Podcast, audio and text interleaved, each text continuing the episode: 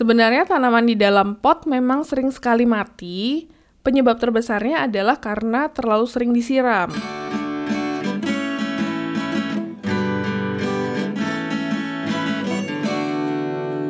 Halo teman nanam, ketemu lagi di episode baru di podcast Mari Menanam. Dengan Kurat Noika, seorang pekebun rumahan sama sepertimu. Apa kabarmu hari ini? Semoga selalu sehat ya. Sekitar dua minggu yang lalu, ada seorang teman di Instagram yang tanaman monsteranya mengalami kuning daun sampai gosong. Awalnya aku menebak itu karena keracunan nitrogen. Tapi katanya, dia sudah melakukan pemindahan tanaman ke pot yang lain dengan menggunakan tanah yang baru, tapi tanamannya ternyata masih dengan kondisi seperti itu. Dan aku sendiri menyimpulkan kalau itu tidak termasuk keracunan nitrogen. Setelah aku baca-baca lagi, kemungkinan itu adalah tanda-tanda kalau kebanyakan disiram. Karena sebenarnya monstera itu bukan tanaman yang suka terlalu banyak air. Tapi anyway, ini nggak hanya berlaku untuk monstera ya. Ada beberapa tanaman yang juga tidak tahan kalau kebanyakan disiram. Sebenarnya tanaman di dalam pot memang sering sekali mati. Penyebab terbesarnya adalah karena terlalu sering disiram. Dan yang paling sering mengalami ini pastinya adalah pekebun pemula. Karena biasanya pekebun pemula itu terlalu gembira dan bersemangat, jadi tanamannya disiram terus-terusan, disiram setiap hari, tapi menggunakan pot. Nah, perawatan tanaman yang menggunakan pot itu tentunya berbeda dengan merawat tanaman yang ada di tanah yang tidak menggunakan pot. Kalau tanaman yang ada di dalam pot terlalu sering disiram, lama-kelamaan mereka akan sekarat dan kemudian mati. Tanaman yang lemas karena jarang disiram bisa diselamatkan lagi, bisa disegarkan lagi dengan cara menyiramnya saja. Tapi kalau keseringan disiram, sampai mengalami busuk akar, ini yang akan sulit. Dan untuk menyelamatkannya, teman nanam harus tahu tanda-tanda dari tanaman yang kebanyakan disiram terlebih dahulu. Biasanya tanda-tandanya memang mirip dengan tanaman yang jarang disiram. Bedanya, kalau tanaman yang keseringan disiram itu batangnya lunak dan daun terasa lebih lembut tapi juga berat. Sedangkan tanaman yang jarang disiram, daunnya terasa kering dan mudah sobek. Tanda-tanda yang kedua, daunnya berubah warna menjadi lebih muda, lalu menguning dan tepiannya jadi lebih terbakar atau gosong. Masalahnya, kebanyakan orang akan mengira kalau tanaman ini perlu disiram, Padahal ini akan semakin memperparah kondisi si tanaman yang sudah stres karena terlalu banyak air. Dan kalau tanaman itu kondisinya semakin parah, biasanya tunas baru yang mereka tumbuhkan itu akan gosong atau coklat. Kemudian daunnya akan lepas dan rontok. Pertumbuhan si tanaman juga akan jadi lebih lambat atau bahkan tidak tumbuh sama sekali.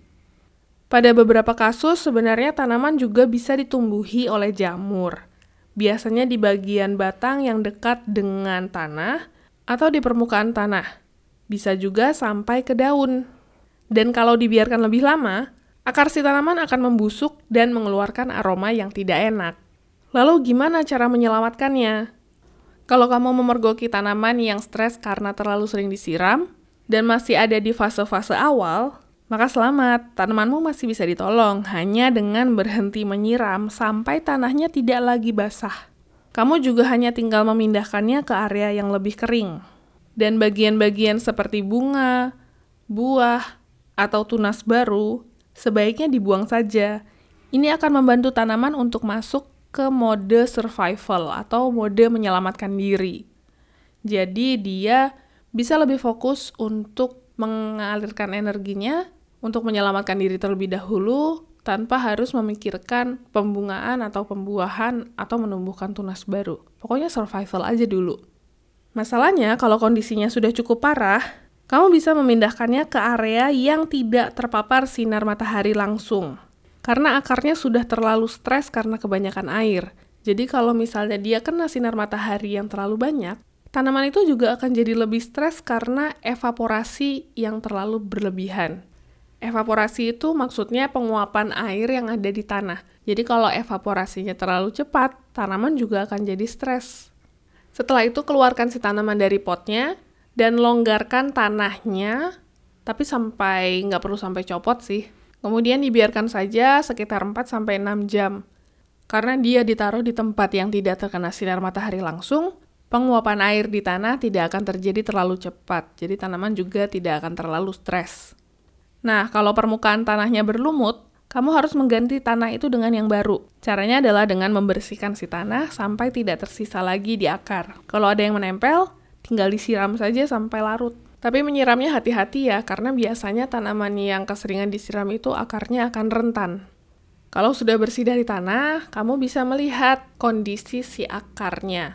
Kalau warnanya kekuningan atau coklat, biasanya bentuknya juga benyek, itu berarti dia busuk akar. Kamu tinggal buang. Caranya adalah dengan menggunakan gunting atau pisau yang sangat tajam dan juga sudah disterilkan terlebih dahulu supaya tidak ada kuman atau bakteri yang menempel. Setelah kamu buang akarnya yang sakit, yang busuk itu, kembalikan lagi ke pot tapi pastikan kalau pot yang dipakai ini sudah bersih dan ukurannya sesuai untuk tanaman. Jangan lupa juga untuk mengecek drainasenya. Jadi supaya kalau kamu kelebihan menyiram, airnya akan lebih cepat keluar. Ganti dengan tanah yang baru, dan jangan lupa dilembabkan. Tapi jangan sampai terlalu berlebih airnya. Karena jadinya sama aja, karena kamu tidak akan menyelamatkan lagi si tanaman itu. Setelah dipindahkan ke tanah yang baru, kamu juga nggak perlu ngasih pupuk ke tanah itu. Jadi biarkan si tanaman ada dalam mode menyelamatkan diri atau survival terlebih dahulu. Kalau sudah dipindah, taruh tanaman di tempat yang terkena cahaya matahari pagi, sampai dia bisa sembuh sepenuhnya. Karena cahaya matahari pagi lebih bagus untuk tanaman. Nah, bagaimana perawatan pasca sakitnya si tanaman? Kalau tanaman itu sudah sehat lagi, pastikan dia disiram hanya ketika bagian tanah atas atau topsoilnya sekitar 2-3 cm itu sudah mengering. Kamu bisa ngecek dengan cara memasukkan jari sampai ruas pertama terasa kering atau enggak. Kalau misalnya sudah terasa kering, oke okay lah bisa disiram. Tapi kalau masih agak basah, sebaiknya sih jangan disiram terlebih dulu. Kamu juga harus menghindari pemupukan setidaknya sampai si tanaman itu punya tunas baru. Karena pupuk bisa membakar akar tanaman yang sudah stres. Dan kalau sudah tumbuh tunas baru, kasih pupuknya sedikit-sedikit aja, sampai si tanaman ini benar-benar pulih. Memang sih, merawat tanaman yang sedang sakit itu sangat sulit. Tapi selama kita tahu penyebabnya, dan kita mencari tahu solusinya apa, maka penyakitnya itu bisa dikendalikan. Sampai situ dulu pembahasan tentang tanaman yang kebanjiran atau keseringan disiram. Sampai jumpa di episode lain, dan yuk, mari menanam!